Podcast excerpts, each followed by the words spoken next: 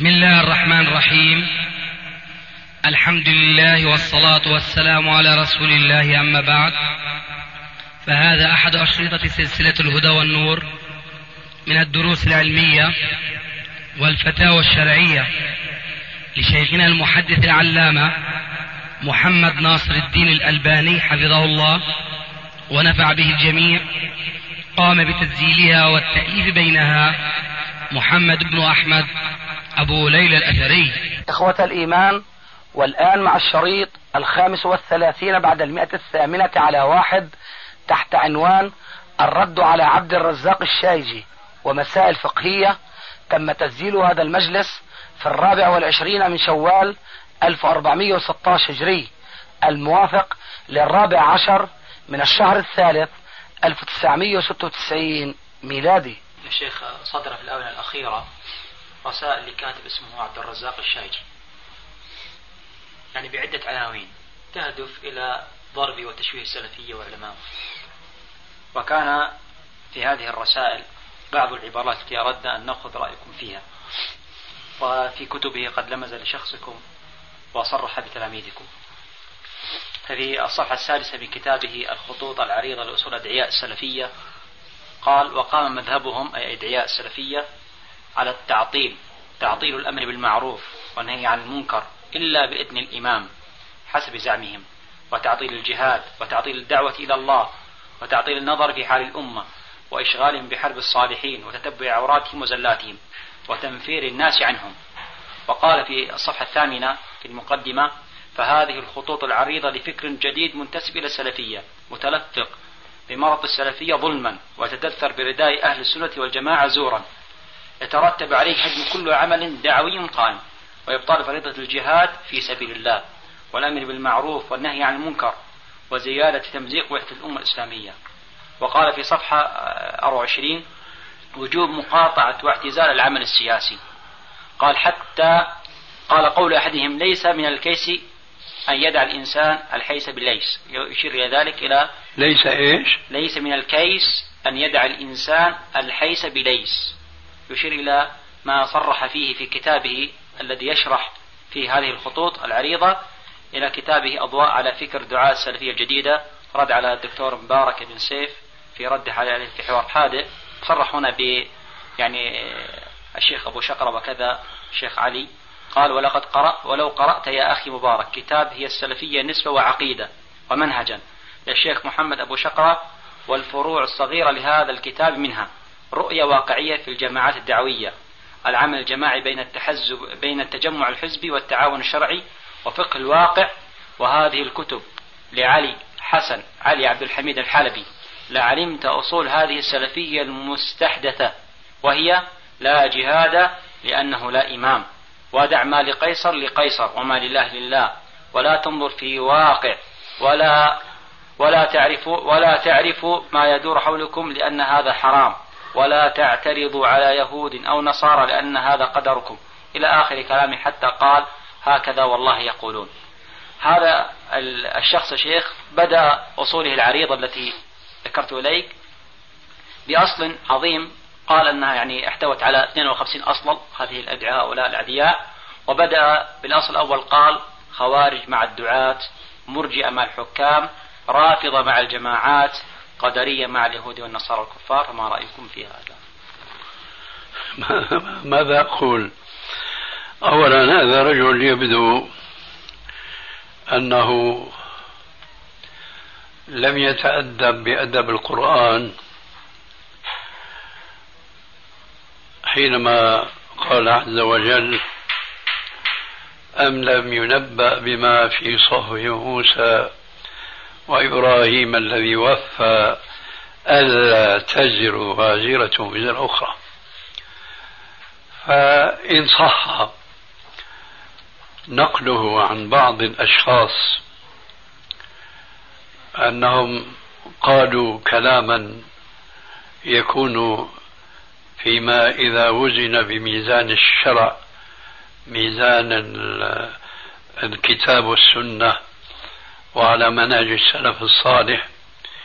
إذا وزن بهذا الميزان كان ذلك الكلام خطأ أقل ما يقال. فلا يجوز أن ينسب هذا الخطأ إلى كل من ينتمي إلى منهج السلف الصالح. فيكفي من المكتوب عنوانه كما يقولون. فليس هناك يعني آه، جماعة ينتمون إلى الكتاب والسنة وإلى ما كان عليه السلف الصالح يقولون بمثل هذه الكلمات التي ينسبها هذا الكاتب. هذا من جهة. من جهة أخرى إنه يتهمهم بأنهم خوارج في كذا ومرجئة في كذا وإلى آخره. هل هذا من أدب القرآن القائل ولا تنابزوا بالألقاب؟ فهذا الرجل إما أن يكون جاهلا وإما أن يكون مصدورا حاقدا حاسدا. فنسأل الله أن يعلمه إن كان جاهلا وأن يعافيه إن كان مصابا بشيء من تلك الأمراض التي مع الأسف الشديد يظهر أثرها الآن في كثير من الشباب الذين قد يفهمون شيئا من منهج الكتاب والسنة ولكن غابهم أشياء كثيرة. ولئن علموا شيئا كثيرا فهم ما تربوا التربية الإسلامية الصحيحة. ولذلك فيجب أن نتذكر أن العلم بالنسبة للعمل هو كالوسيلة بالنسبة للغاية. فمثل من يعلم ولا يعمل كمثل من يتوضأ ولا يصلي. فوضوء هذا لا يفيده شيئا ولا يقربه إلى الله زلفى. ومثل هذا مثل هذا السؤال كثيرا ما سئلناه قديما وحديثا وهو الأخ حاضر الآن وقد طرح ما يشبه هذا السؤال فيما يتعلق بالأمر المعروف والنهي عن المنكر. هل تستطيع ويكون هذا أحلى منك أن تعيد السؤال والجواب حتى لا يقال أن هذا تلقين من الشيخ. سؤال لأنه الأمر هل هو خاص بالحكام ولا بالموظفين في الحكام والجواب عليه. السؤال الذي طرحناه السؤال الذي طرحناه هل الأمر بالمعروف والنهي عن المنكر وبالذات التغيير باليد. حق للجميع أم أنه حق مشروط لولي الأمر؟ أو من عينه ولي الأمر. نعم. هذا سؤال سئلناه قريبا. وأجبنا بما ندين الله به بما يبطل ما نسب هذا إلى السلفيين. وإن كان هو ما ذكرني هنا. فقد يكون ذكرني في مكان آخر ولا يهمني. وعليكم السلام ورحمة الله وبركاته. ذكر لك عبارات وأنا نعم. ذكر عبارات في الخطوط هذه. آه. لكن يعني واضح أن العبارات لك يعني مثلا دائما أنت أكررها. حفظك الله إذا سئلت عن الجهاد تقول لابد من وجود إمام لا وجود من كذا. فهو دائما يطعن على هذا هذا صحيح. إيه. لكن أيضا بالنسبة لهذه المسألة في عندنا تفصيل. وعليكم السلام. لكن قبل هذا أريد أن آه، أذكر جوابي عن ذاك السؤال الذي جاءنا قبلكم بيوم أو أكثر. قلت بأن الأمر بالمعروف والنهي عن المنكر ليس خاصا بالحاكم. ولا بمن وظفه الحاكم.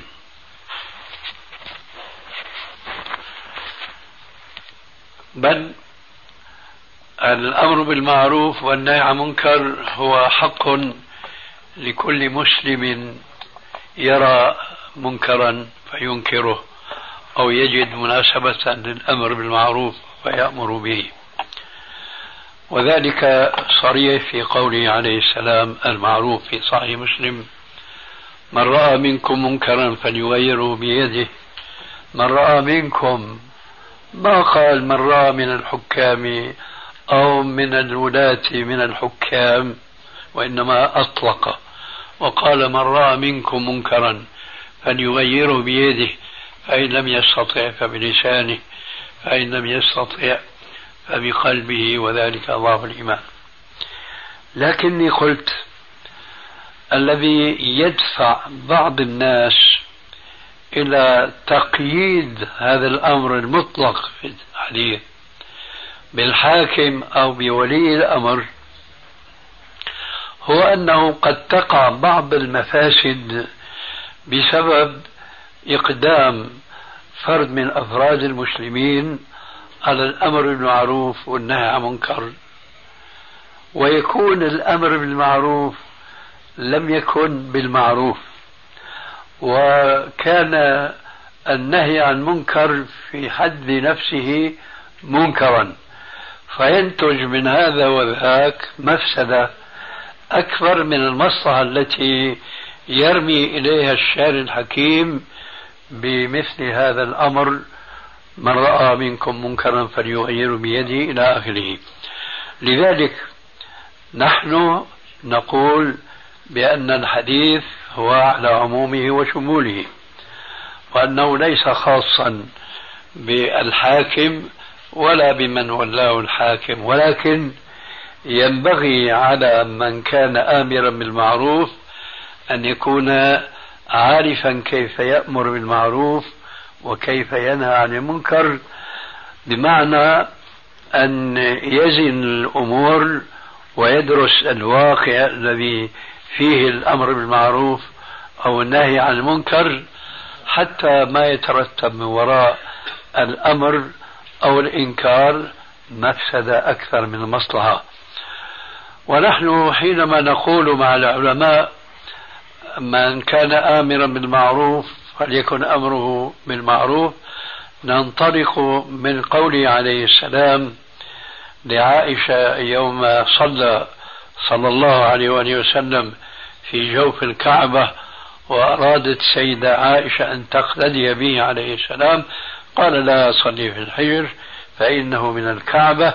ولولا أن قومك حديث عهد بالشرك لهدمت الكعبة ولبنيتها على أساس إبراهيم عليه السلام. ولجعلت لها بابين مع الأرض بابا يدخلون منه وبابا يخرجون منه.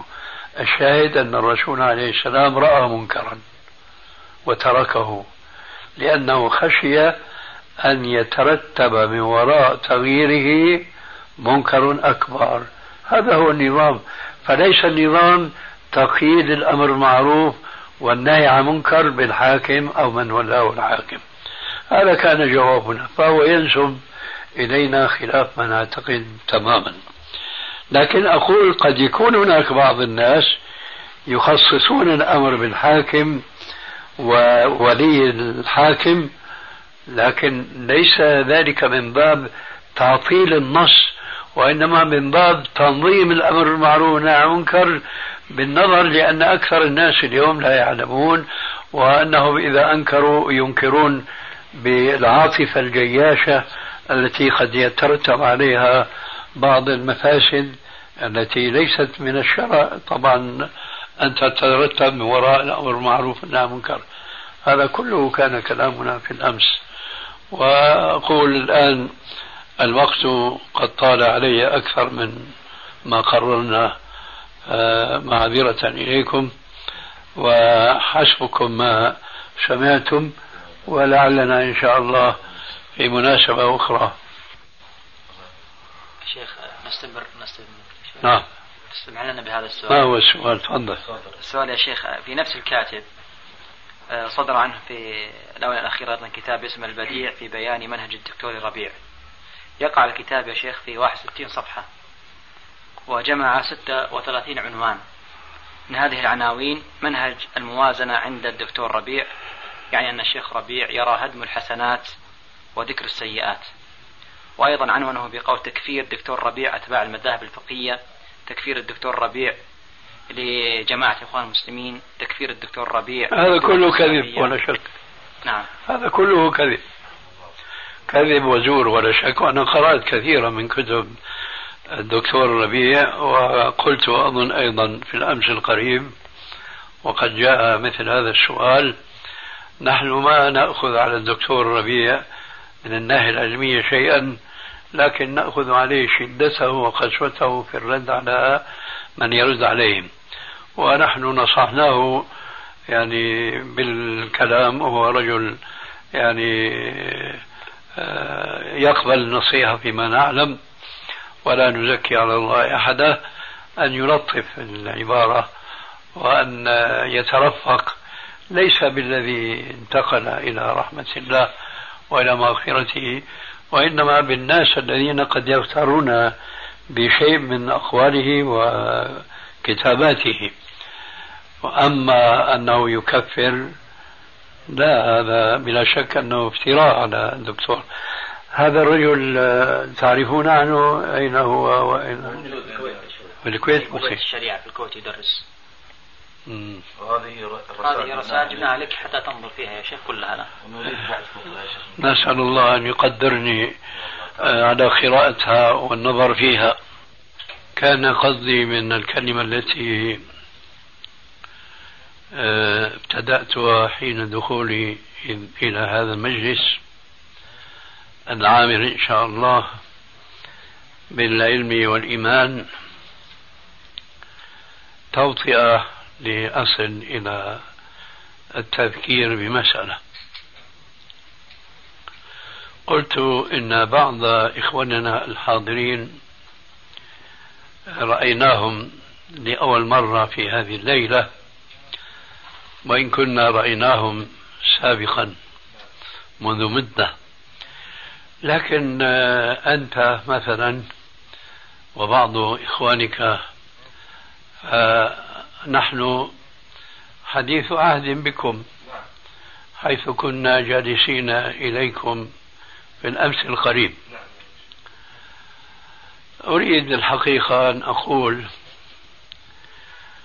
إن كان لإخواننا الذين رأيناهم الليلة لهم شيء من العذر في أن يقوموا آه، إلى الشيخ وليس أن يقوموا له.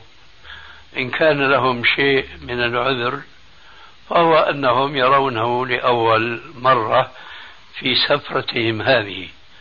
فأنت ما هو عذرك وأنت حديث عهد؟ فقيامك ليس قيام استقبال وإنما هو قيام تعظيم وإكرام. وهنا بيت القصيد كما يقال من هذا الكلام.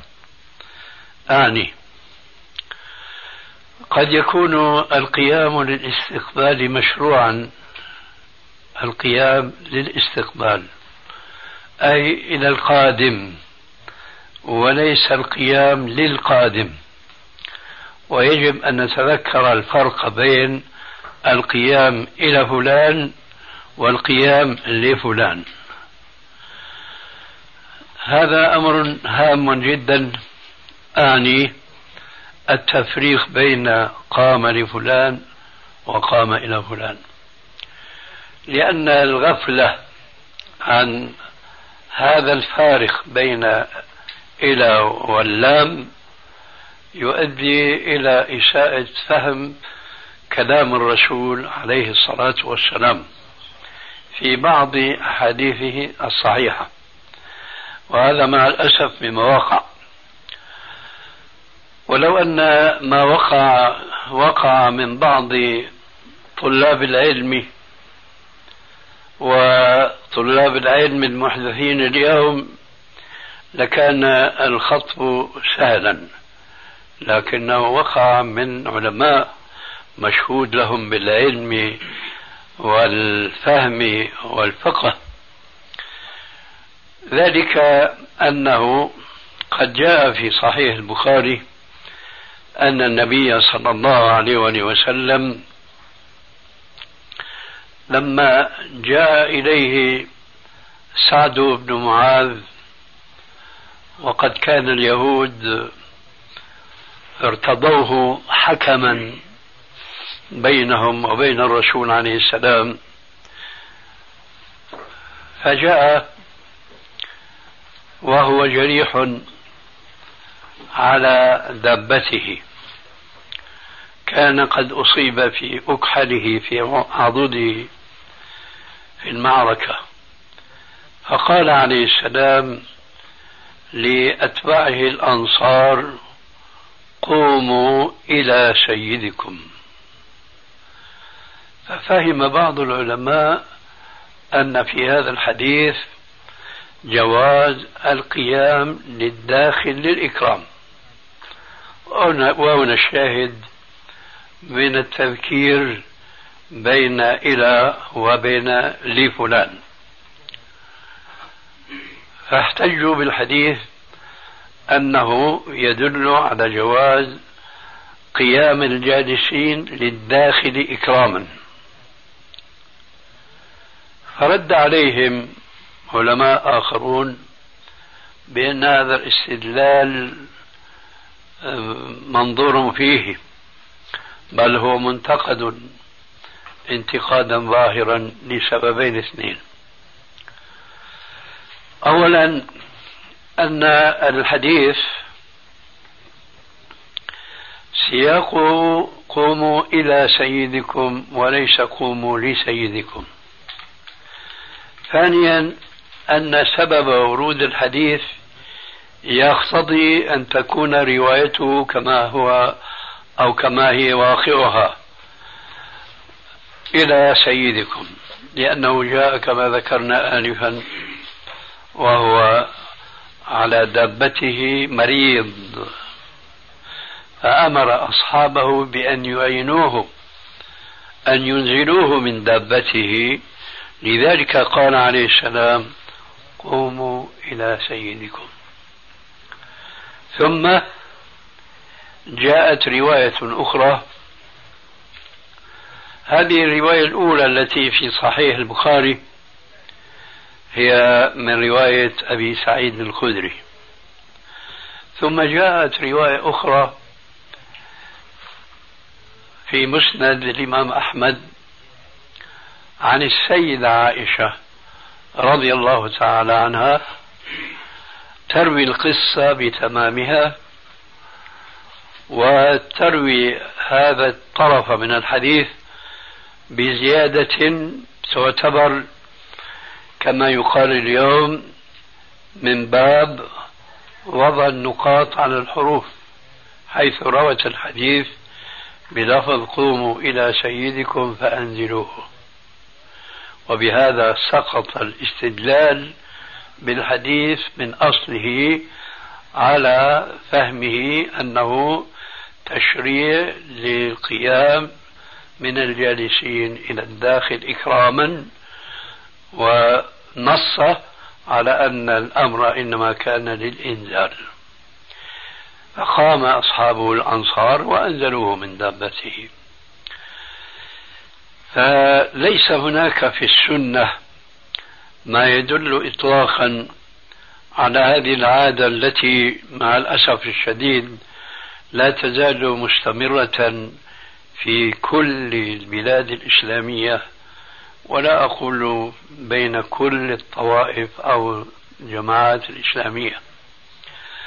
ذلك لأن النبي صلى الله عليه وسلم يقول كما تعلمون لا تزال طائفة من أمته ظاهرين عن الحق لا يضرهم من خالفهم حتى يأتي أمر الله حتى أو حتى تقوم الساعة حسب الروايات. يظنون أن مثل هذا القيام للداخل هو قيام مشروع للإكرام. وإكرام المؤمن ولا شك ولا ريب أنه مأمور أمرا عاما لا سيما إذا كان عالما فاضلا. وبصورة أخص إذا كان شيخا جليلا. فقد صح عن النبي صلى الله عليه وسلم قوله من إجلال الله إجلال ذي الشيبة المسلم.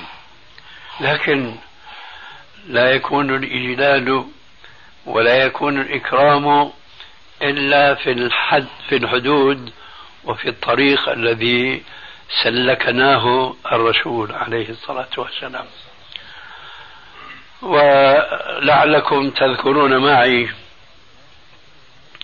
قصة معاذ بن جبل رضي الله تعالى عنه لما رجع من الشام إلى المدينة فكان لما وقع بصره على النبي صلى الله عليه وسلم هم بأن يسجد له عليه السلام. ولم يكن هذا عبادة له وإنما في تصوره هو على الأقل تعظيم وإكرام للرسول عليه السلام. فنهاه عن ذلك وأنكر عليه. قال يا رسول الله إني أتيت الشام فرأيت النصارى يسجدون لقسيسيهم ورهبانهم فرأيتك أنت أحق بالسجود منهم. الحقيقة هذا المنطق هو منطق كثير من المشايخ أو العلماء الذين يظن فيهم العلم آه، صوابا أو خطأ. هذا واحد ثاني. ممن آه، يحكمون عقولهم. فمعاذ بن جبل هذا الذي وقع فيه. إنه قايس بين النصارى وقسيسيهم وبين المسلمين ونبيهم. عبر عما جال في نفسه أنه رأيت النصارى يسجدون لقسيسهم ورهبانهم فرأيتك أنت أحق بالسجود منهم. هذا منطق سليم. لو كان أصل السجود مشروعا في ديننا وأقول في ديننا. لكن الرسول عليه السلام قال لو كنت آمرا أحدا أن يسجد لأحد لأمرت الزوجة أن تسجد لزوجها لعظم حقي عليها وأنا أستدرك الآن حتى ما أخذ من وقتكم شيء كثير آه، فأقول أردت أن أذكر بأن القيام من الجالسين للداخل للإكرام والتعظيم ليس بسنة وللبحث في هذا صلة فلنفسح المجال لنستمع إلى بعض الأسئلة. أنا سمعنا أنك أنت نظامي أبو ليلى زيادة عن اللزوم. إحنا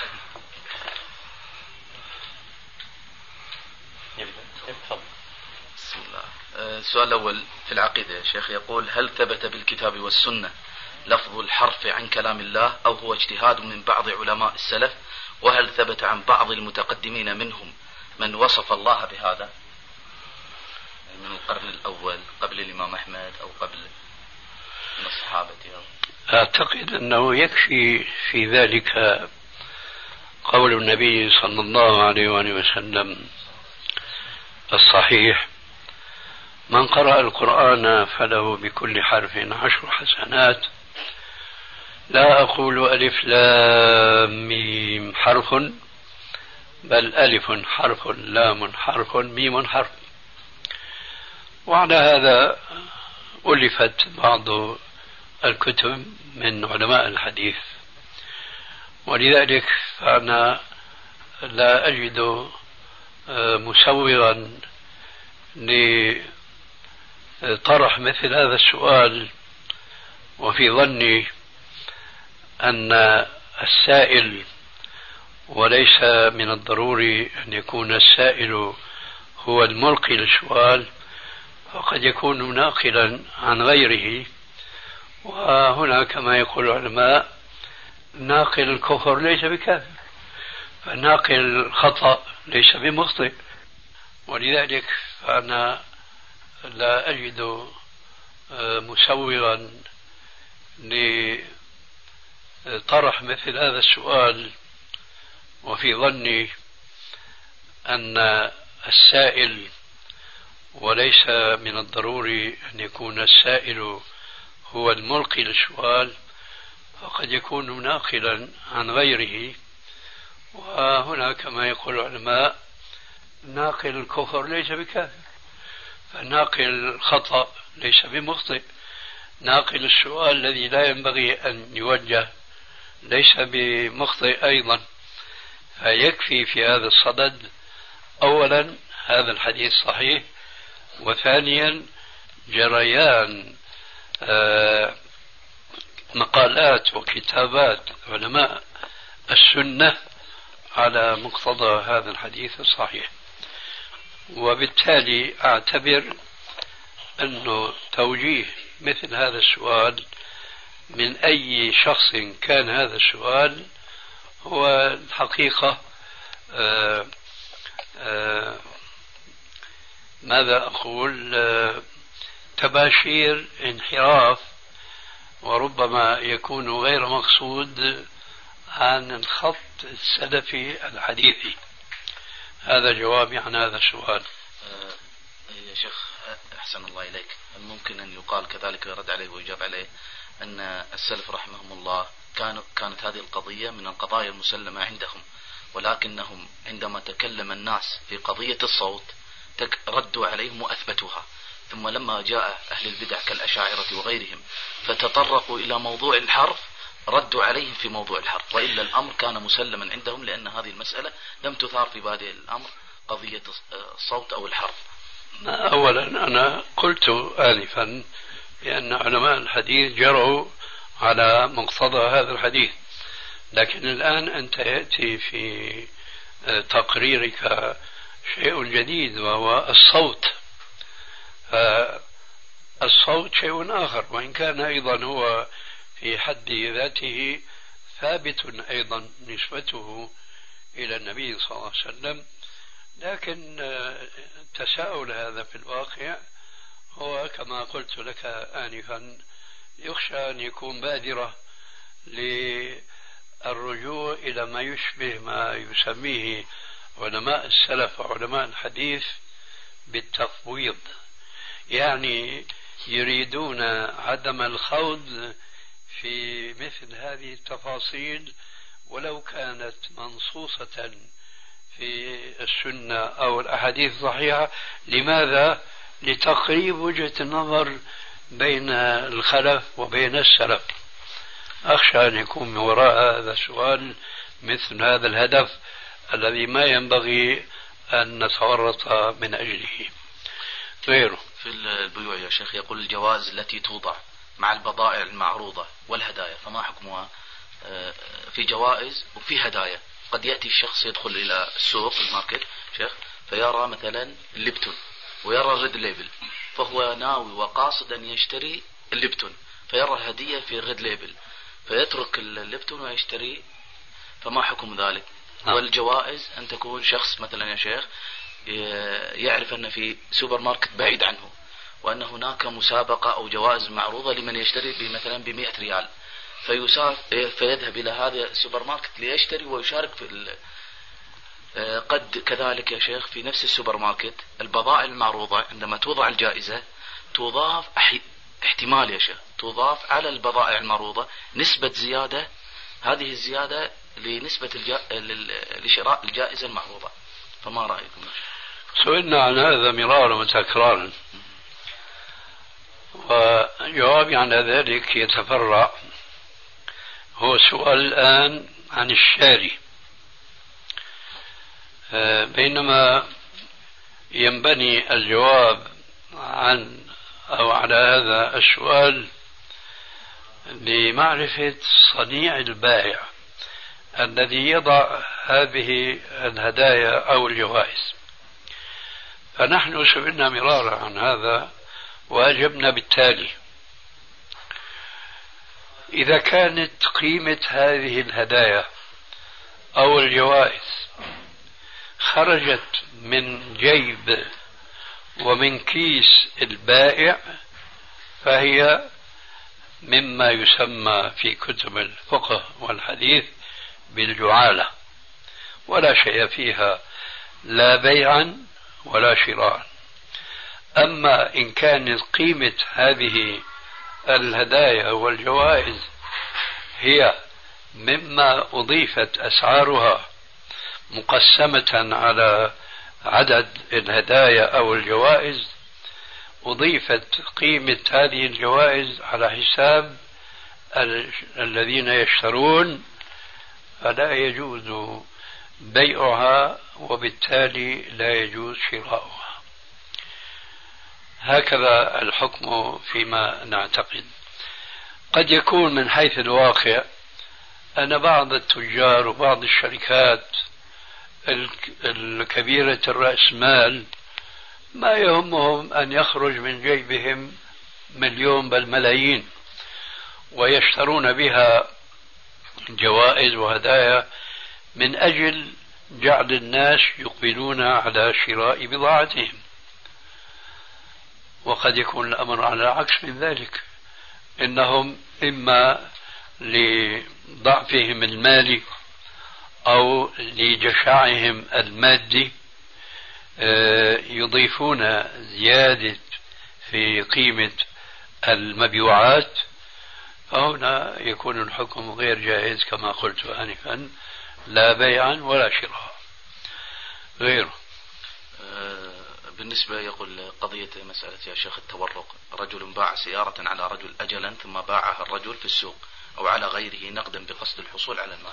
إذا كان الغير يعرف حقيقة آه، شراء الشاري فلا يساعده على هذا لأن هذا يشبه بيع العينة لكن يفترق عنه بأن الشاري الثاني هو آخر ليس له علاقة بالموضوع.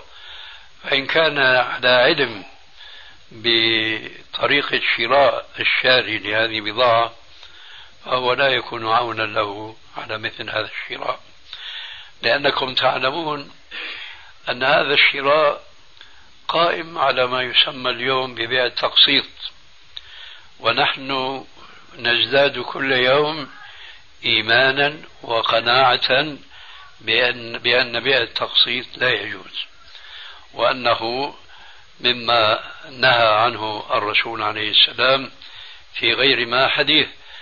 فإذا اشترى شار ما بضاعة ما بالتقسيط ثم عاد ليبيع ما اشترى مشان يحصن الفلوس فهو اشترى بلا شك بالتقسيط. فمن علم بمثل هذه الشروة فلا يجوز له أن آه، يشتري منه. ومن لم يعلم فلا يؤاخذ. لكن هذا الشاري والبائع لا يجوز له أن يتعاطى هذا النوع من الشراء والبيع. واضح؟ إن شاء الله. شيخ هل الوعد في البيع أو الشراء ملزم أو غير ملزم. يعني هل ماذا؟ الوعد. الوعد؟ مثلا أنت تستخدم سيارات من الخارج. وأنا أقول إن شاء الله إذا وصلت هذه الكمية سأشتري منك خمسة سيارات. نعم.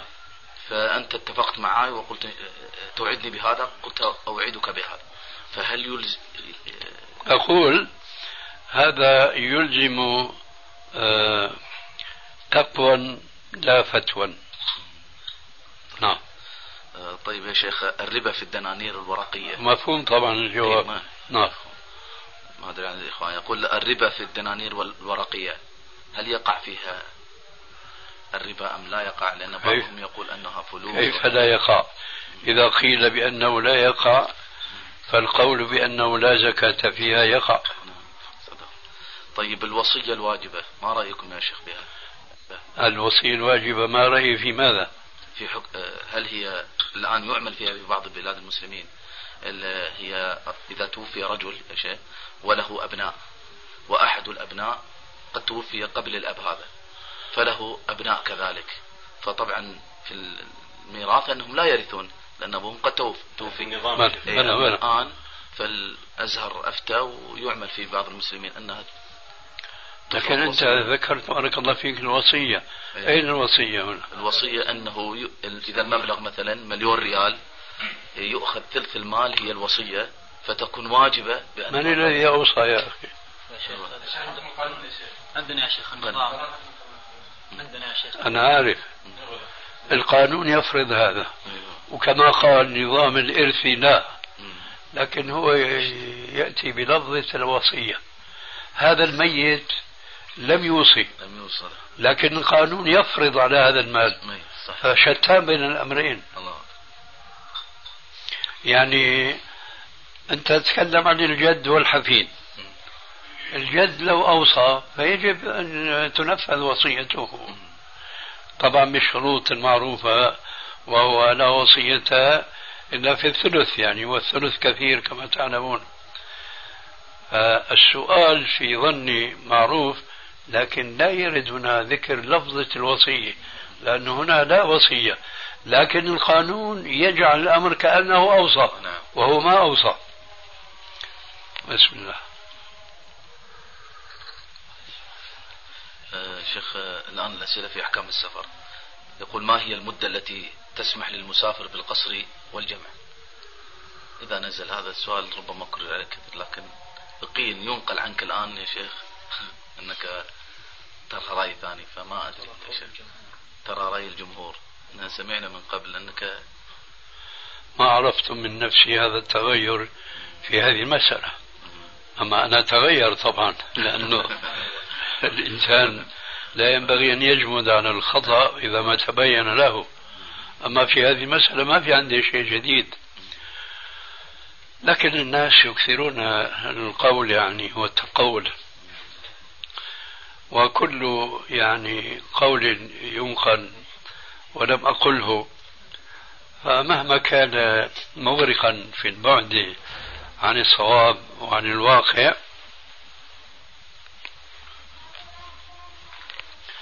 فهو أهون بكثير من القول الذي تكرر نقله بأن القائل مات.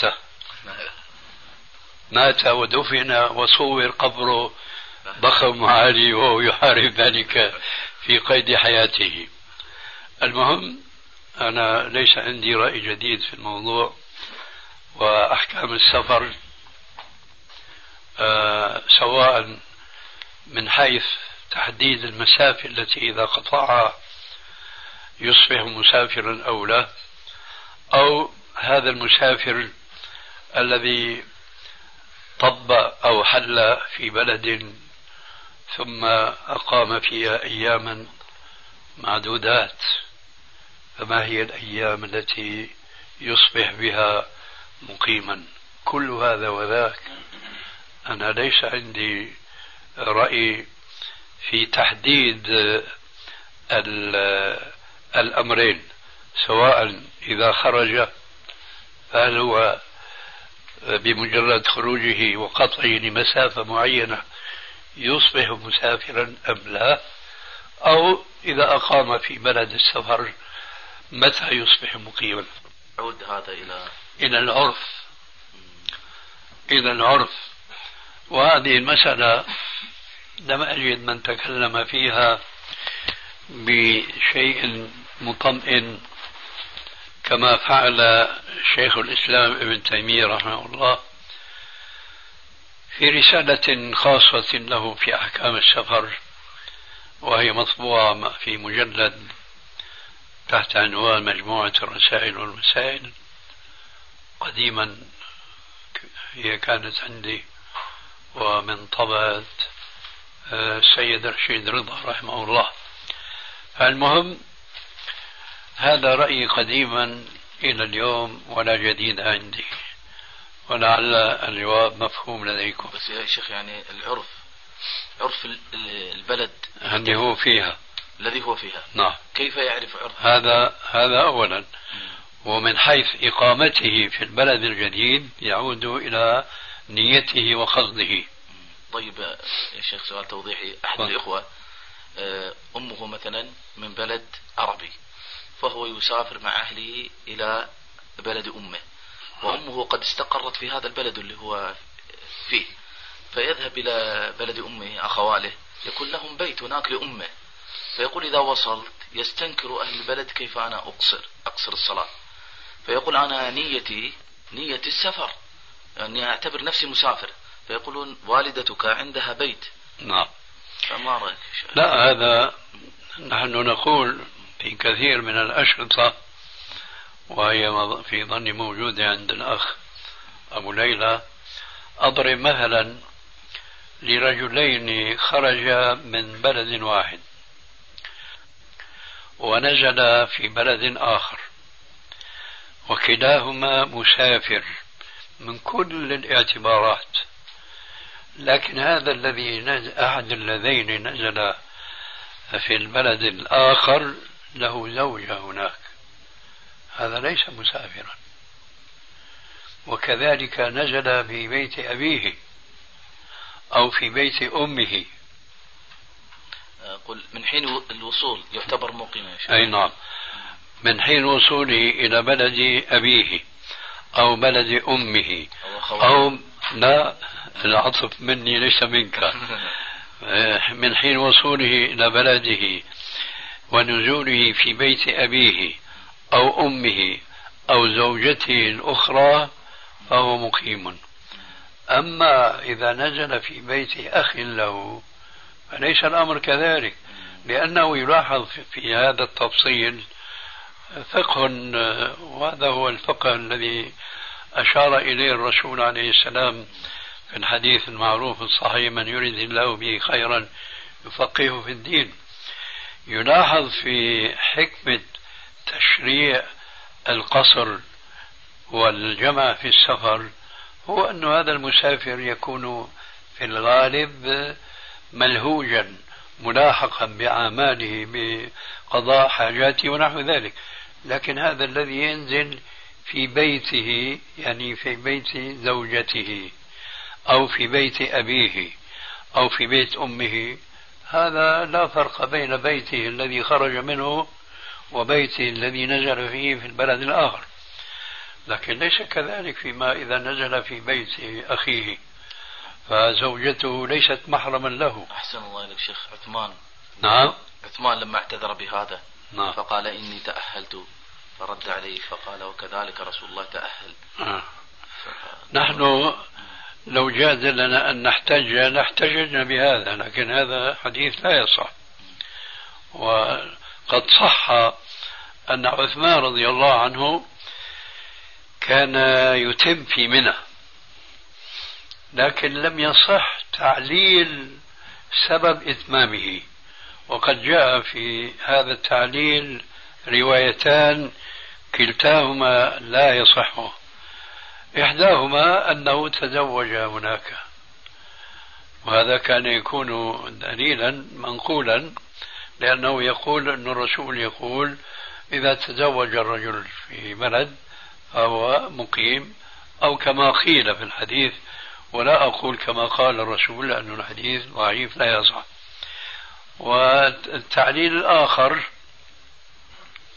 وربما يكون هذا مقبولا منطقيا أكثر أنه لما أنكر عليه وقيل له بأن الرسول أقام في منى في حجة الوداع وما قصر.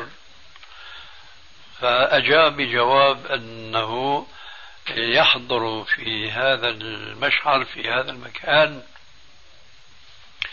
ناس من الأعراب يعني الذين لا فقه عندهم ويقتدون بإمامهم بخليفتهم. فإذا رأوا الخليفة يصلي قصرا يتوهمون أن هكذا الصلاة فرضت. ولذلك فهو كان يتمه.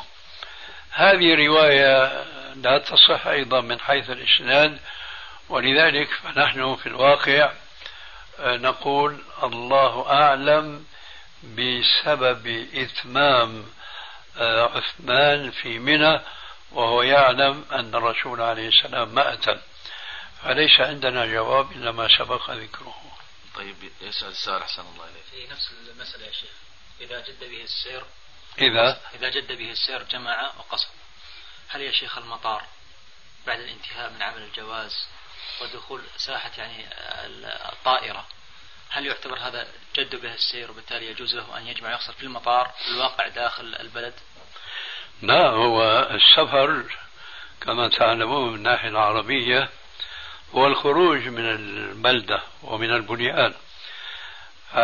يختلف الآن مثلا هنا في عمان. عندنا مطار دارنا تطل عليه كان في وسط البلد.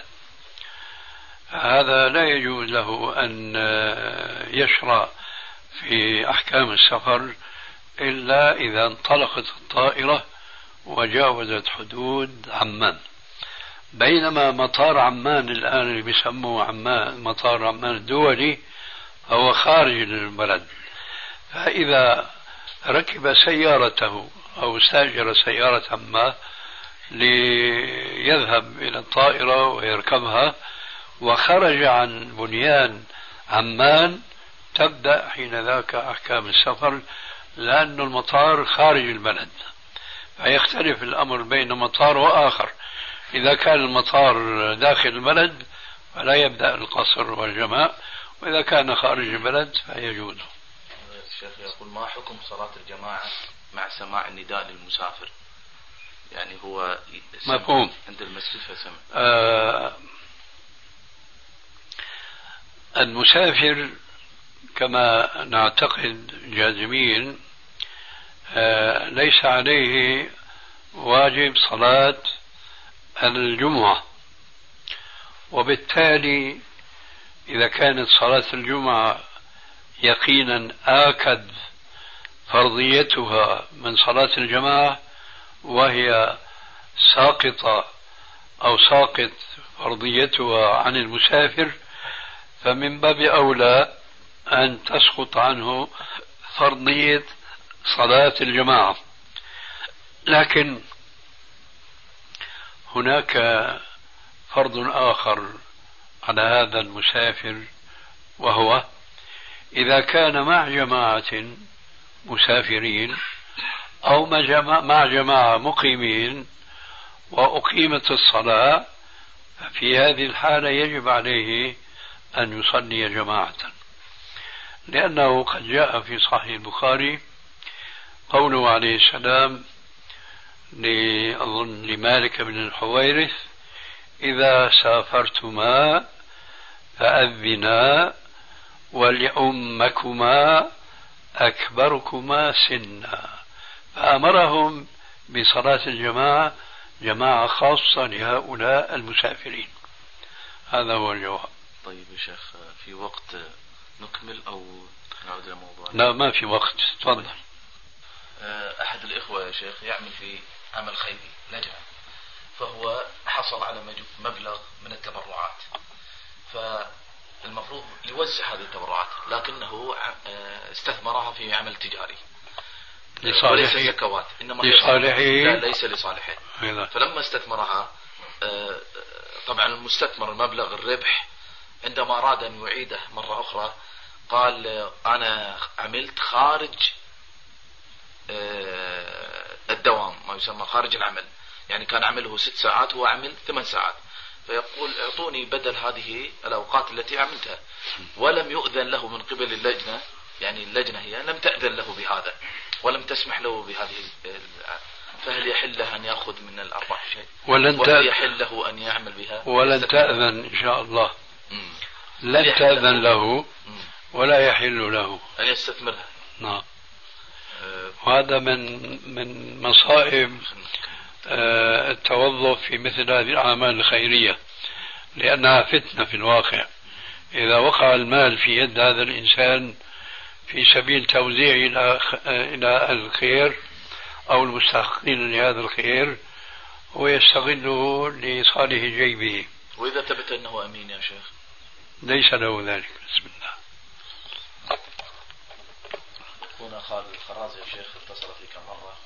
وكلمك أنه قد جمع لك كلامك في مصطلح الحديث وكذا تذكر يا شيخ. له بحث في هذا.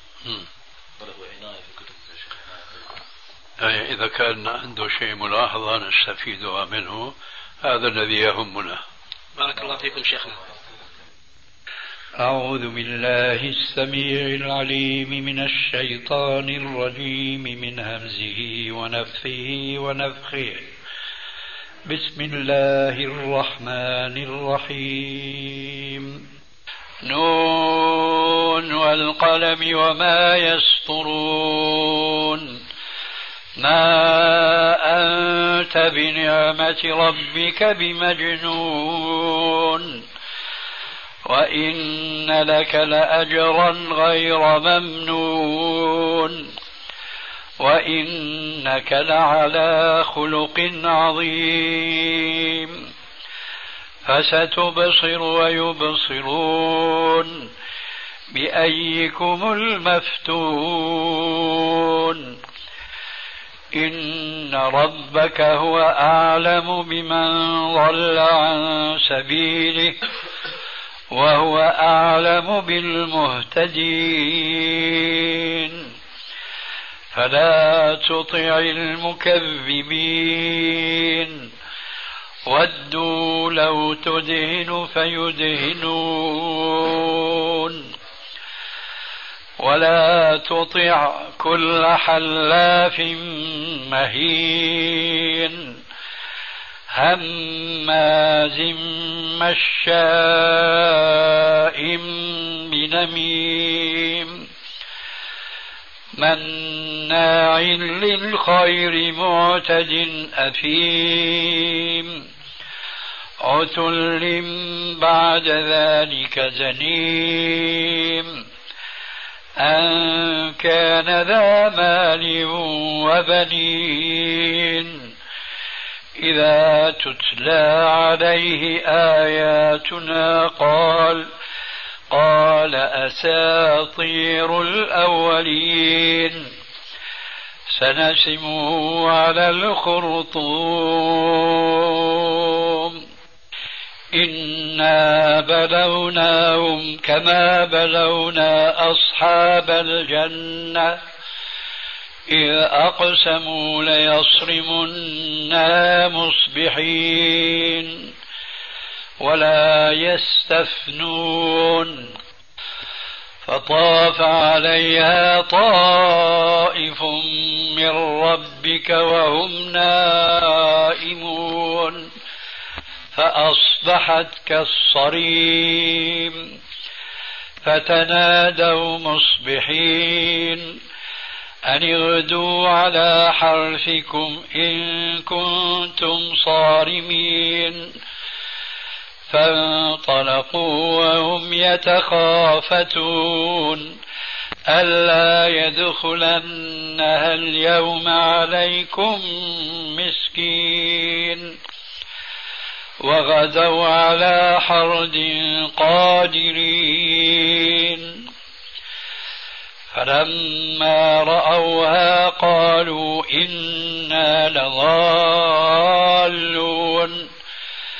بل نحن محرومون. قال أوسطهم ألم أقل لكم لولا تسبحون. قالوا سبحان ربنا إنا كنا ظالمين. فأقبل بعضهم على بعض يتلاومون. قالوا يا ويلنا إنا كنا طاغين. عسى ربنا أن يبدلنا خيرا منها. إنا إلى ربنا راغبون. كذلك العذاب ولعذاب الآخرة أكبر لو كانوا يعلمون.